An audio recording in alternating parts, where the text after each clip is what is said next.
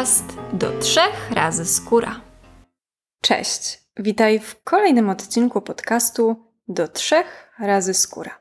Dzisiaj moim gościem jest Marta Remplewicz, współautorka marki Kosmetyki Dla, którą tworzy wraz ze swoją przyjaciółką Zosią Marciniak. Produkty marki oparte są na sprawdzonych, ludowych, zielarskich recepturach połączonych z najnowszymi badaniami naukowymi. Dziewczyny jako pierwsze w Polsce stworzyły swoje kosmetyki na bazie świeżych naparów ziołowych, a nie wody. Marta z wykształcenia jest chemiczką, a z zamiłowania zielarką. Nieustannie pogłębia swoją wiedzę na temat ziół, m.in. u doktora Różańskiego. Współautorka i pomysłodawczyni słynnego kremu Niszcz Pryszcz oraz najnowszych kosmetyków na bazie gemmoterapii, czyli nauki wykorzystującej pączki roślin – pierwszej takiej formuły na polskim rynku kosmetycznym. Wolny czas uwielbia spędzać ze swoimi bliskimi nad ukochanym Bugiem wśród zieleni, a także przygotowując przeróżne roślinne receptury. W tak zwanym międzyczasie pasjonatka poznawania ludzkiego potencjału. Cześć Marta, witaj serdecznie. Cześć, witam. Dzisiaj porozmawiamy sobie o ziołach. To będzie nasz temat przewodni rozmowy i chciałabym zacząć od Twojej miłości do ziół. Gdybyś mogła powiedzieć, jak ona się zrodziła i jak ona się rodziła. Moja miłość do ziół to właściwie przyniosło życie mi. I to była taka historia, oczywiście jak najczęściej większości zielarzy, z którymi dzisiaj się znam i którzy ziołami się interesują, zbierają, jakieś były problemy zdrowotne. I ja też miałam takie powracające się zapalenie gardła.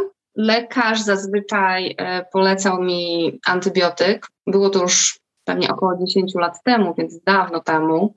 I też była inna filozofia też może leczenia. Te antybiotyki się naprawdę przepisywało w dużych ilościach.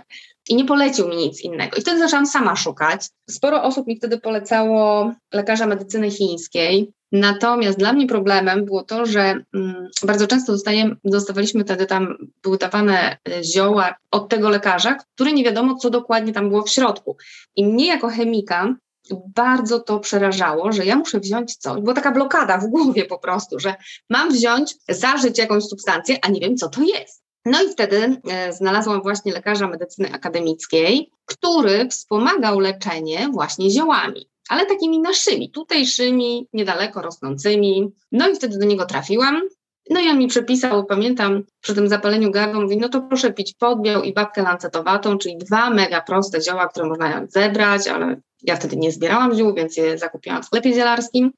No i do tego monodieta była z kaszy jaglanej. No i jedna taka kuracja. Oczywiście wtedy też nie było tylu przepisów na kaszę jaglaną, co mamy dzisiaj. Ja pamiętam, że jadłam ją samą i była strasznie niesmaczna dla mnie wówczas. I po tej jednej kuracji, znowu za cztery tygodnie, znowu mam to zapalenie gardła. No i taka w ogóle zrezygnowana, w ogóle z taką reklamacją do tego lekarza. Mówię, no jak to, miałam być zdrowa, miało być wszystko dobrze, a ja mam znowu. I pamiętam do dziś, jak on zaczął się śmiać i mówi, no tak, a ile czasu Pani osłabiała ten swój układ odpornościowy? Teraz musimy popracować nad tym, żeby go wzmocnić, odbudować i żeby przywrócić Pani tą homeostazę, tak? czyli tą równowagę, żeby ten organizm samoistnie mógł sobie radzić z różnymi bakteriami, infekcjami. To było dla mnie wtedy takie olśnienie, że no tak, i tak się zaczęła ta miłość do ziół, że one mi pomogły, że właśnie nie wiem, co to są te infekcje gardła. No i zaczęłam się interesować właśnie co te rośliny takiego w sobie zawierają i na jakiej zasadzie to działa. Znajdowałam właśnie takie stare, ludowe przepisy. Wtedy też mi się przypomniała w ogóle taka historia z babcią. Jako nastolatka chciałam, wszystkie dziewczyny, wszystkie koleżanki farbowały włosy i ja też bardzo chciałam. Babcia, ponieważ mnie znała i wiedziała, że jestem bardzo niecierpliwa, farbowanie włosów wymaga czasu, że trzeba siedzieć u tego fryzjera ileś czasu. Więc mi powiedziała, to wiesz co, idź sobie najlepiej z taką koleżanką, posiedź, zobacz jak to wygląda. No ja rzeczywiście pamiętam, przyszłam taka zrezygnowana, Boże, jak tu można tyle siedzieć? I najgorzej, że trzeba to powtarzać. I wtedy babcia mi podpowiedziała taki sposób, bo mi te włosy, jestem blondynką taką e, z jasnymi, miałam cały czas jasne włosy, blond, ale w pewnym momencie one chciały mi ściemnieć, takie stać się takie typowo mysie, tak, można powiedzieć, takie tak, taki blond, y, ciemniejszy i ja bardzo tego nie chciałam. No i wtedy babcia mówi tak, no słuchaj, no ale to jest bardziej prosty sposób na to. Wystarczy, że będziesz płukała sobie te włosy rumiankiem po każdym myciu i one ci powinny zjaśnieć. I wiecie, i rzeczywiście tak było. Ja pamiętam jak w liceum, z dwa lata w liceum, po każdym myciu płukałam te włosy tym rumiankiem i one rzeczywiście zatrzymały ten swój kolor. No i dzisiaj dzięki temu mam taki kolor cały czas jasny, bez farbowania, więc jestem mega szczęśliwa, bo mam dużo więcej zaoszczędzonego czasu. No i tak te zioła się zaczęły. Później oczywiście poznawanie tych ziół, jako chemika to mnie bardzo te składy fitochemiczne ziół interesowały i zresztą cały czas interesują i to jest w ogóle fascynujące, co tam w tych małych roślinkach może się znajdować, jak one są tam skomponowane, różne te związki. Zaczęłam czytać blog doktora Różańskiego, Zresztą serdecznie każdemu polecam, kto chce zgłębić wiedzę o roślinach o ziołach, o stosowaniu, o składzie właśnie, o wykorzystywaniu w medycynie, w tej medycynie ludowej, później w farmakopei, jak są opisywane, jak były stosowane i to w różnych farmakopeach europejskich, nie tylko w tej naszej polskiej. No i później zaczęły się konferencje, pojechałam na pierwszą konferencję właśnie taką dzielarską do Krosna, no i tam przepadłam, bo można powiedzieć, że właśnie już pewnie od siedmiu lat. Tak, od siedmiu lat uczę się cały czas o ziołach, ale ta nauka jest tak mega ciekawa, tak wciągająca, no i po prostu jest to mega też olbrzymia wiedza, ale się nigdy nie nudzi. Więc każdemu polecam, zachęcam do, do poznawania ziół i ich tajemnic. Czyli zaczęło się od zdrowia, od Twojego własnego zdrowia, a później w którym momencie przeszło na skórę? Teraz macie kosmetyki typowo e, do włosów, do skóry głowy, do twarzy, więc gdzieś musiał być ten przełom, że postanowiłaś, że pójdziesz drogą właśnie wykorzystania ziół w kosmetyce. Tak, no to był taki właśnie moment, y, zaraz po tym jak byłam taka, y, wiecie, to jest taki człowiek zafascynowany w ogóle, że wow, w ogóle pomogło, że nie choruje, że czuje się lepiej, moc, taka mocniejsza w ogóle po, y, po tych ziołowych kuracjach. Takie wiecie, fascynacja. No i wtedy przyszła właśnie, spotkałam się ze swoją kuzynką, nastolatką i ona miała bardzo duże problemy z trądzikiem, takim typowym młodzieńczym. No i ponieważ ona już była u wielu dermatologów, wielu kosmetycznych, wiele rzeczy już wypróbowała, przetestowała, to jest bardzo wtedy dobry materiał, taka osoba, do kolejnych testów. I tak sobie na nią popatrzą, mówię, ty, posłuchaj, jak mi tak pomogły te zioła na zdrowie, to może spróbujemy i zrobię dla ciebie taki produkt, y, znaczy takie mazidło, zobaczymy, jak sobie poradzić z tymi pryszczami. No i rzeczywiście, no fakt, że miałam też możliwości, bo ja od razu po studiach też zaczęłam pracę w jednej z najstarszych w ogóle firm kosmetycznych w Polsce.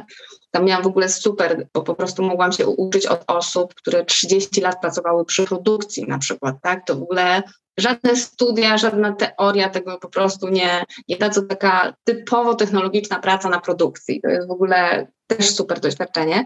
No i właśnie miałam takie zaplecze laboratoryjne, więc coś tam zaczęłam jej tworzyć. Stworzyłam właśnie taki produkt na ten tronik, dałam jej, no i tak y, czekałam, czekałam, co dalej, co ona powie, czy to zadziała, czy nie. No, no po dwóch, trzech tygodniach, też jej tak nie nagabywałam, co tam, jak tam, żeby nie wywoływać jakiejś presji i spokojnie czekałam. I ona po tych dwóch, trzech tygodniach przyszła i mówi tak, zobacz, wiadomo, że nie zniknęły od razu, tak? To nie było takie w ogóle mm, dotknięcie czarodziejską różdżką, że pak, pych i już nie ma.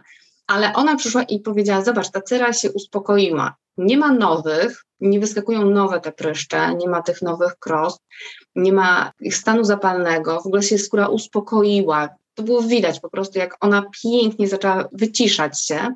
No i ona tak fajnie mówi, tu wiesz co, tu daj mi dla tam dla jednej koleżanki, dla drugiej, bo one też mają problemy. Ponieważ ja pracowałam w branży, wiedziałam, jakie jest, jaka jest odpowiedzialność, tak, yy, takich produktów. Mówię, no nie mogę, wiesz co, dać obcym osobom, bo tak, ciebie znam, jesteś moją rodziną, więc mogłam sobie na tobie spróbować, ale mówię tak, generalnie to produkt musi być przebadany, musi mieć właśnie badanie mikrobiologiczne, dermatologiczne, ocenę bezpieczeństwa, no to nie można tak sobie dać. No i wtedy właśnie z Zosią, z którą znamy się właśnie od dziecka, też razem studiowałyśmy, zaczynałyśmy, znaczy, bo Zosia studiowała chemię w Toruniu i tam ją skończyła, ja kończyłam studia e, chemię na Politechnice Warszawskiej, później razem też pracowałyśmy w tej firmie kosmetycznej, w związku z tym znałyśmy się i cały czas miałyśmy kontakt. I ja mówię do niej, Zośka, słuchaj, jak, wiesz co, patrz, ten produkt pomógł, te pryszczole zniknęły, to chodź zrobimy właśnie takie produkty na bazie tych świeżych naparów ziół, tak? Bo tutaj właśnie to było clue w ogóle tego mazidła dla niej na ten trądzik, bo zamiana w ogóle wody, której w produkcie kosmetycznym mamy tam 70-80%, to jest super rozpuszczalnik, tak? Wypełniasz taki, a ona nie ma żadnych właściwości pielęgnacyjnych na skórę, tak? Bo zaraz po nałożeniu kremu, balsamu, mleczka na skórę pod wpływem temperatury ciała ta woda wyparowuje. W związku z tym no nic nie, dla skóry nie zostaje. Gdyby woda mogła nawilżać, to wystarczyłyby zwykła kąpiel w wannie, tak? Posiedziałybyśmy 20 minut, skóra byłaby super nawilżona i po co w ogóle całe, całe te kosmetyki. Niestety tak nie jest. No ja właśnie w tym kremie zamieniłam jej tą wodę na świeżo przygotowany napar z kory wierzby i z krwawnika. Zresztą cała ta seria jest dzisiaj dostępna w sprzedaży pod nazwą Niszcz Pryszcz. I po prostu tak, kora wierzby ze względu na salicylany, pochodne salicylowe, tam nie ma kwasu salicylowego, tylko są salicylany takie pochodne, które bardzo dobrze działają, właśnie uspokajają gruczoły łojowe, hamują ich pracę, no i do tego jest krwawnik, który ma prze mega duże, po prostu bardzo, bardzo duże działanie przeciwzapalne. I to widać na skórze, tak? Gdziekolwiek mam jakiś stan zapalny, właśnie gdzieś tam coś tam wychodzi, to przelewać sobie zwykłym naparem nawet z krwawnika. Poza tym on też pięknie nawilża. No i tak właśnie Zosia stwierdziła, że dobra, no to spróbujemy z tymi ziołami, bo ona zawsze mówiła, no wiesz, no zioła pite do środka, no to wiadomo, że pomogą, tak, ale tak na skórę, czy one będą działały, czy nie. Z taką dozą niepewności, ale stworzyłyśmy, pamiętam, trzy serie kremów, właśnie niż pryszcz, kuracja regenerująca i taki produkt Dar Piękna, który dzisiaj nazywa się kuracją nawilżającą. I e, z tymi trzema seriami ruszyłyśmy. Zrobiłyśmy wszystkie badania, zainwestowałyśmy wszystkie pieniądze, jakie miałyśmy, pamiętam, w produkcję, własny zakład produkcyjny. To było nam chyba najbardziej potrzebne do szczęścia, że chciałyśmy mieć własny zakład. E, kupiłyśmy używane urządzenia, bo na nowe nas nie było stać. No i tak e, krok po kroku, później pojawiały się kolejne produkty i każdy produkt charakteryzuje się tym właśnie, że ta woda zamieniana jest na świeże napary ziołowe, i rzeczywiście efekty są. Najbardziej chyba dumna jestem w ogóle z takiego produktu niż pryszcz płyn i taki mamy ziołowy płyn do mycia twarzy, w którym w ogóle nie ma żadnych środków powierzchniowo-czynnych, czyli takich związków myjących. Są same zioła saponinowe, zachowują się jak właśnie środki powierzchniowo-czynne, czyli zbierają brud, tak? Mają taką zdolność zbierania brudu. Stosowane były kiedyś w ogóle do prania tkanin, mycia, kiedyś ludzie to stosowali a nawet usuwają makijaż wodoodporny. Więc ja zawsze podkreślam, że zioła mają potężną moc. Zresztą sami, jak sobie nawet zrobicie na przykład odwar z mydlnicy lekarskiej, skłącza mydlnicy, to właśnie ona zawiera mnóstwo tych związków saponinowych. Taki mocny odwar sobie pogotujecie 5-10 minut, później jeszcze zostawiamy to pod przykryciem na kolejne 15 minut i tym zobaczcie sobie, umyjcie sobie skórę i zobaczycie w ogóle różnicę. Po pierwsze super to umyje cały makijaż, a po drugie skóra będzie taka mięciutka, nawilżona, gładziutka, nie będzie w ogóle podrażniona, nie będzie ściągnięta, nie będzie ukrycia takiego ciągnięcia. Więc naprawdę wszystko to, co my robimy, e, można też samemu zrobić. Właśnie te świeże napary to jest coś, co cenię w Waszej marce, że nie używacie wody, tylko mamy dodatkowe jeszcze substancje, jakieś dodatkowe właściwości z tych świeżych naparów. Powiedziałaś o trądziku i na przykład o wykorzystaniu krwawnika i tak się zastanawiam, czy masz jakąś ściągawkę właśnie, problem skórny i odpowiedź konkretnych na przykład ziół. Pewnie, znaczy w głowie mam, zaczęłam też pisać e-booka z takim właśnie pod takim kątem, żeby dać ludziom tą wiedzę. Ponieważ jestem chemikiem, to zazwyczaj muszę porozmawiać z dermatologami. Mam takich dwóch ulubionych dermatologów. Zawsze muszę zrozumieć jakby ten problem w skórze, tak, że na przykład jest trądzik różowaty i to jest jego etiopatogenezą, czy jest jego przyczyną, skąd on się bierze, co tam, jakie procesy zachodzą w tej skórze, że on powstaje, tak, co na niego wpływa. Często oczywiście jest to mega skomplikowane, na przykład przy trądziku różowatym jest tyle badań e, przeprowadzonych, ale cały czas nie została jednoznacznie określona przyczyna, tak? E, oczywiście jedno to są e, słabość naczyń krwionośnych, drugie to są zmiany hormonalne, trzecie na przykład przyczyna to może być Helicobacter pylori, tak? który mamy i który się uaktywnia w okresie tym jesienno-wiosennym, i on może powodować pobudzanie bakterii. E, jest też teoria właśnie mówiąca o nużeńcu, czyli takie roztocze, które jest na powierzchni skóry u każdego, ale u niektórych się uaktywnia e, ten nużeniec i po prostu on powoduje, że powstaje ten trądzik różowaty. Więc to jest też takie fajne, że naprawdę wiemy bardzo dużo, bardzo dużo rzeczy możemy zbadać, ale są takie momenty, że nie wiadomo co, nie wiadomo co jest jednoznaczną przyczyną, ale jak wtedy mamy już ten problem taki skórny, no to wtedy wiem na przykład, y, czym próbuje to leczyć konwencjonalna medycyna, ta akademicka taka, ale szukam takich starych też receptur, mm, bardzo często się nimi inspiruje. Tam ludzie często nie wiedzieli, tak, jakie są związki aktywne w roślinie, a doskonale komponowali. Oczywiście część z nich miała dar, tak, tak jak był ojciec Klimuszko, który był księdzem i on miał dar od Boga, że po prostu potrafił komponować te rośliny, miał taką intuicję do tego. Dzisiaj jesteśmy w stanie to udowodnić, dlaczego te rośliny ze sobą łączył i co one dają, a on to po prostu robi. Tak? Więc e, te stare mieszanki takie ludowe, one są naprawdę genialne. E, ja wtedy sobie analizuję właśnie składy fitochemiczne, co tam jest w środku, jakie substancje mi są potrzebne do tego, żeby z danym problemem sobie pomóc go e, rozwiązać, tak? Więc jeśli na przykład właśnie ktoś wie, że ma nużeńca na skórze twarzy, bo to można zbadać też, tak? Zrobić wymaz i zbadać, czy tam jest, czy nie to na przykład jedną z takich roślin nie jest zalecana i my nie możemy jej użyć do kosmetyków, y, bo jest zabroniona do stosowania, to jest wrotycz, tak? Ale każdy wie, jak rośnie i tam rośnie i w medycynie ludowej był stosowany. Można przygotować sobie z niego napar i przemywać skórę twarzy takim y, właśnie naparem z wrotyczu. I wtedy ten nurzeniec damy radę. My na przykład w tej kuracji naszej łagodzącej do cerstrym dzikim różowatym zastosowałyśmy pięciornik gęsi, on sobie też świetnie radzi, to też takie proste polskie roślinka. E, zastosowałyśmy liście orzecha włoskiego, no i po prostu fenomenalną kozieradkę, tak, nasiona z kozieradki przy wszystkich problemach skórnych właściwie. One są, y, akurat w kozieradce są takie saponiny sterydowe, to są takie związki, na podstawie których przemysł farmaceutyczny y, tworzy kortykosteroidy, tak? Czyli jakby uczymy się w ogóle tego, co jest w roślinie i zaczynamy to syntezować gdzieś tam w laboratoriach, tak, żeby to później wykorzystywać na skórę.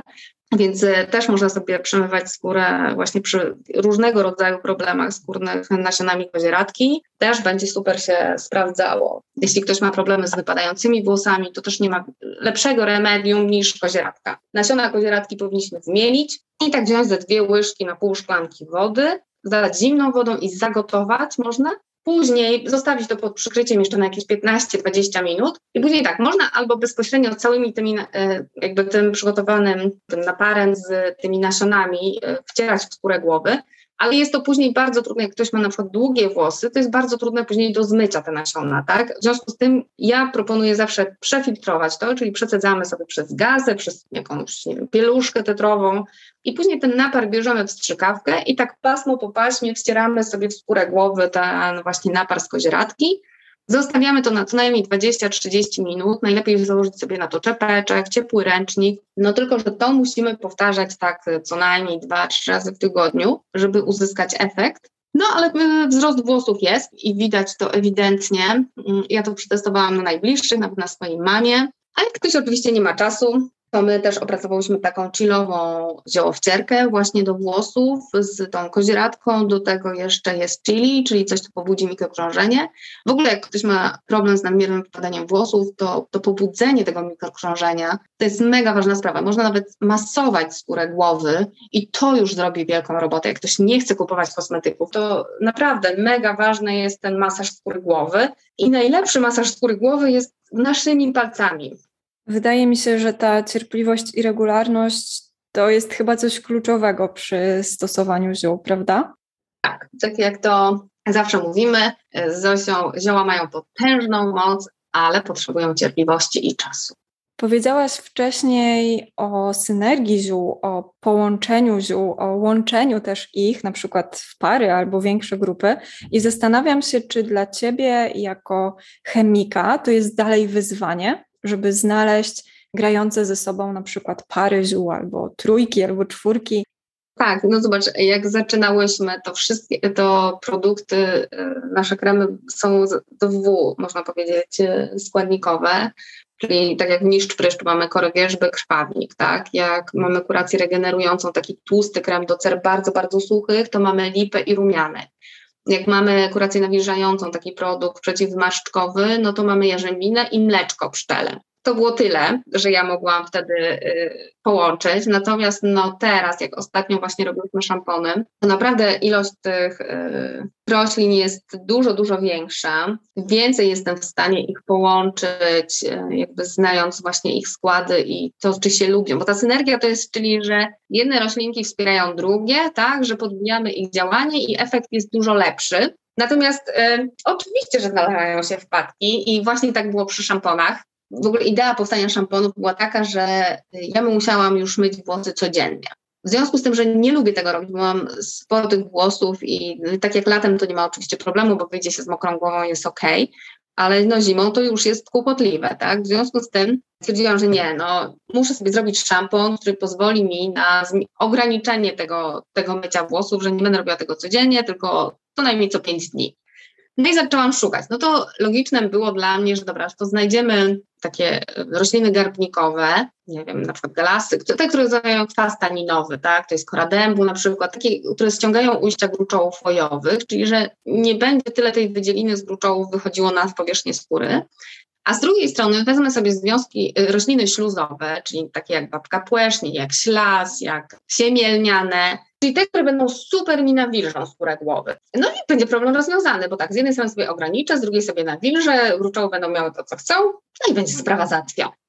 I są rośliny w przyrodzie, tak? Na przykład sama babka płesznik ma takie, że ma w sobie i śluzy, i ma i garbniki. Tak samo na przykład jest bezczarny, w liściu czarnego bzu. Też mamy i jedno i drugie. Natomiast ja, łącząc w taki sposób, w ogóle to nic nie działało. Ale nie miałam nawilżenia, ani nie miałam jakby mniejszego przetłuszczenia. W ogóle nic nie pracowało. No i wtedy stwierdziłam, nie, to w ogóle jest jakieś fatalne połączenie w takim razie, tych w ogóle, to nie działa. No i później tam zaczęłam konsultować to właśnie między innymi z doktorem.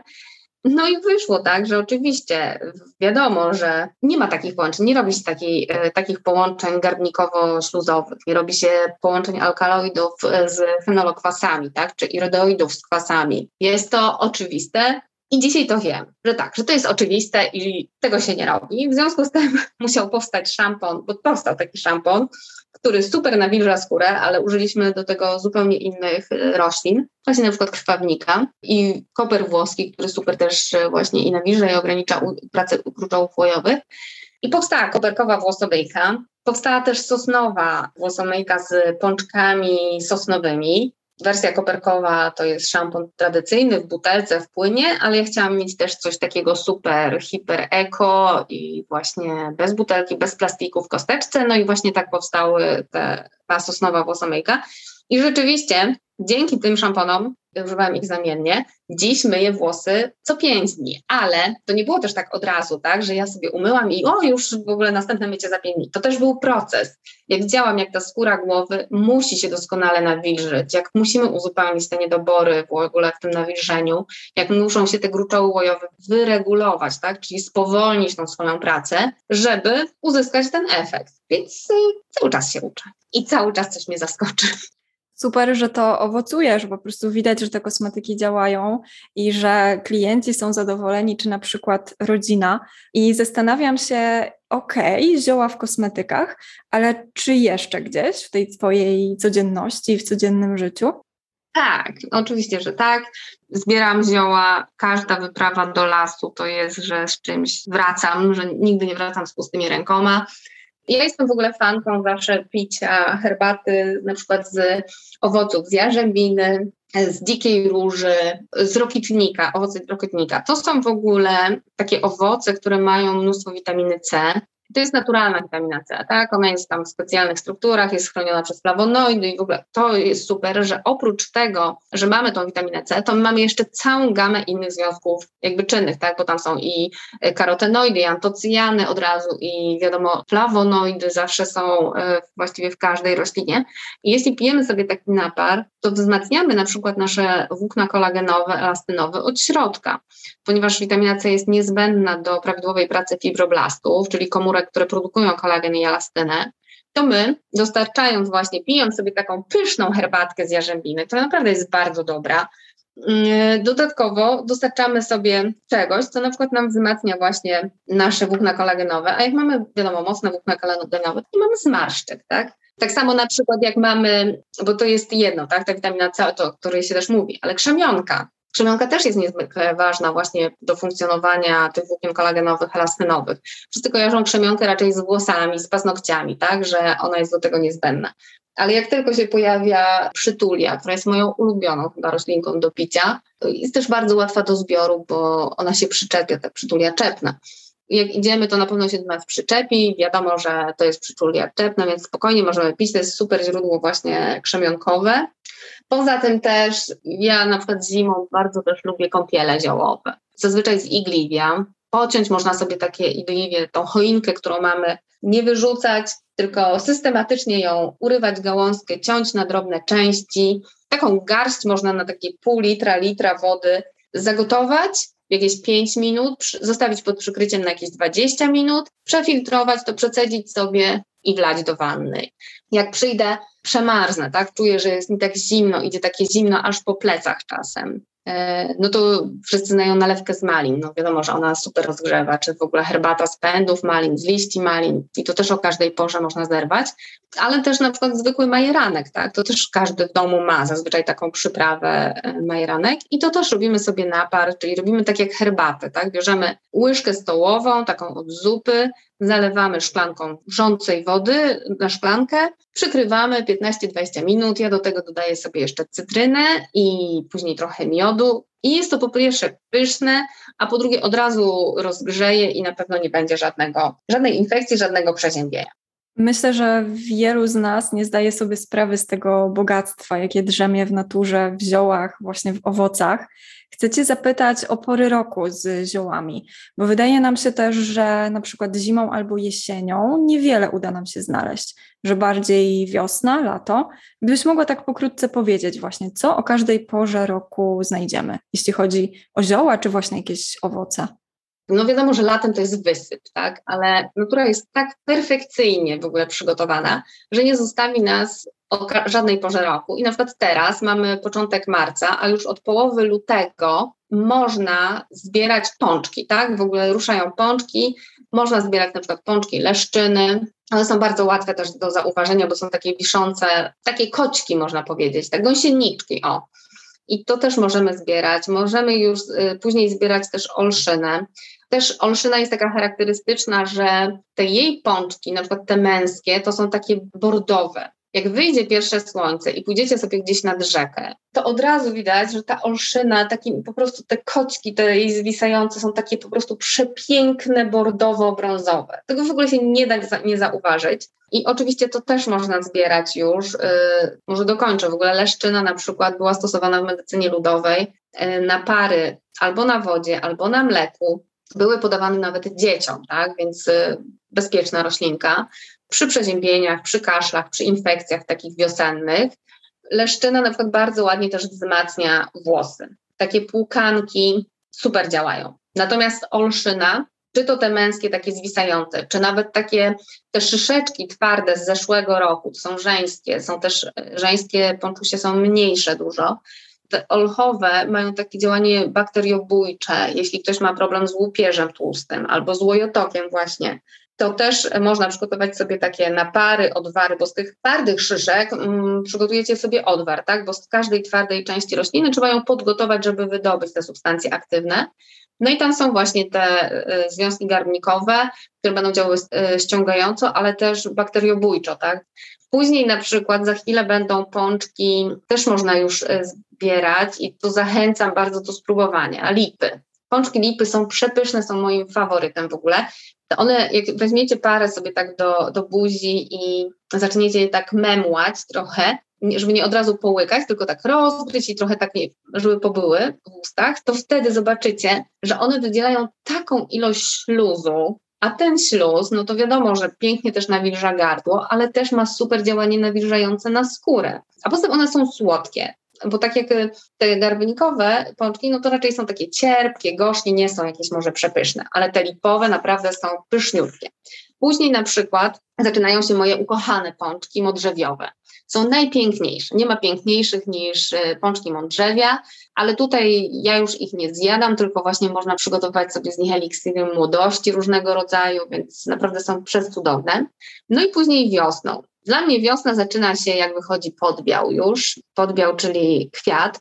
Takie żółte kwiateczki na, na łąkach, pierwsze to właśnie są podbiał. No i ja kocham go miłością, bo od niego zaczęła się moja miłość w ogóle do ziół, tak? Od właśnie od podbiału. Co prawda od liści, bo tak e, piłam liście, natomiast e, kwiaty podbiału można suszyć, można robić z nich e, syropy, później na wszelkiego rodzaju problemy z gardłem. Później jest też forsycja pierwsza, takie kwitnące krzewy żółtych, to też często są w bukietach na przykład takich wielkanocnych.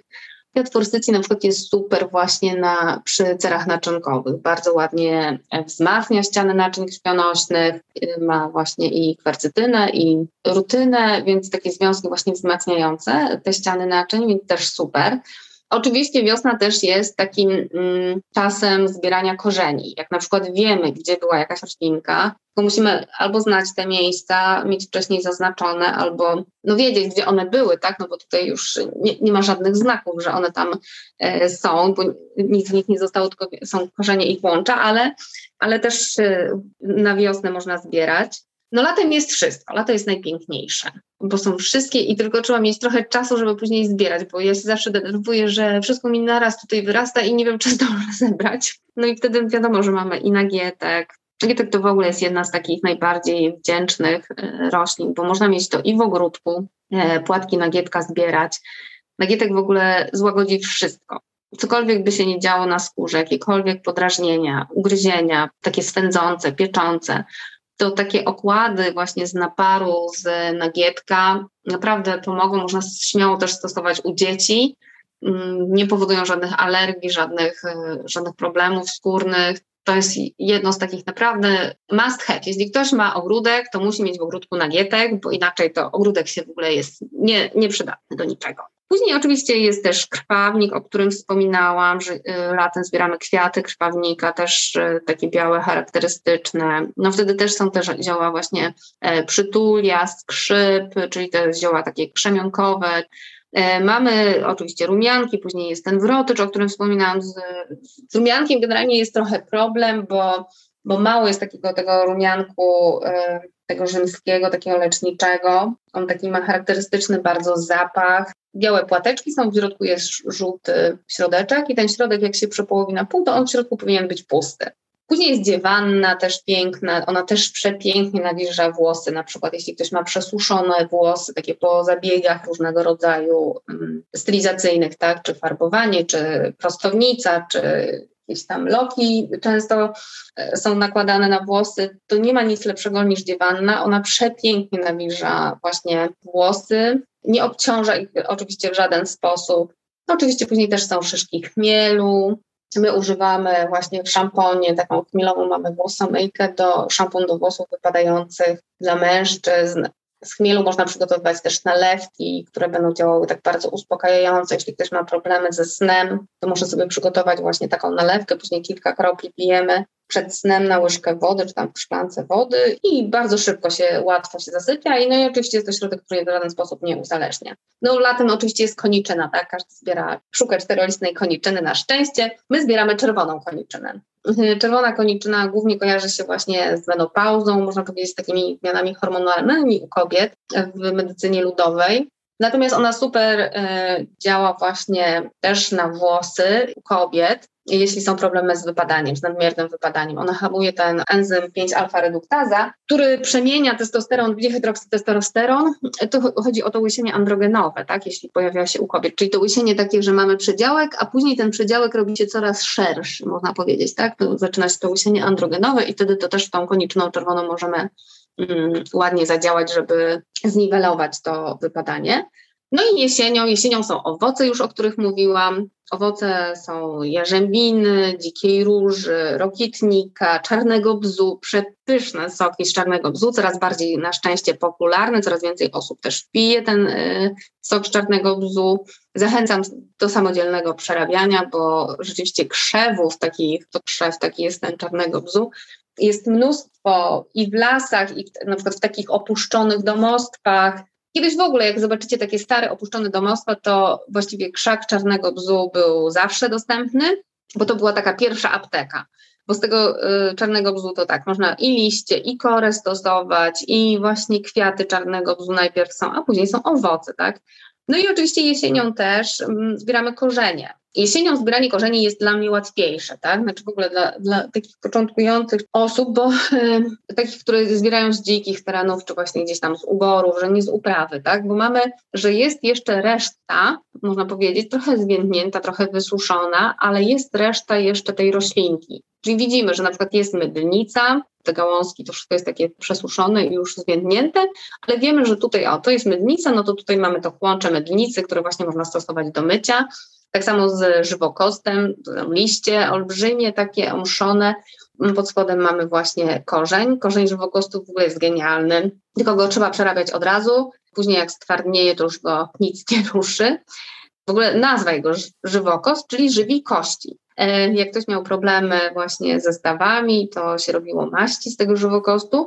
My go stosujemy w kosmetykach, bo on ma bardzo dużą ilość alantoiny, bardzo dużą ilość właśnie śluzów i super działa na skórę. To też jest mega ważny właśnie sposób ekstrakcji na przykład, czyli później pozyskiwania tego. Bardzo dużo jest gdzieś tam w internetach, e, żeby z żywokostu robić maceraty olejowe, ale wtedy to niewiele pozyskamy z tego żywokostu, tak? Bo wszystko to, co chcemy cennego i co jest nam później właśnie potrzebne, no to właściwie wychodzi w wyciągach wodnych, tak? I tutaj musi być ten rozpuszczalnik wodny, czyli albo zalewamy wodą, albo wodą z alkoholem, albo wodą z gliceryną, ale musi być ta woda, żeby wydobyć.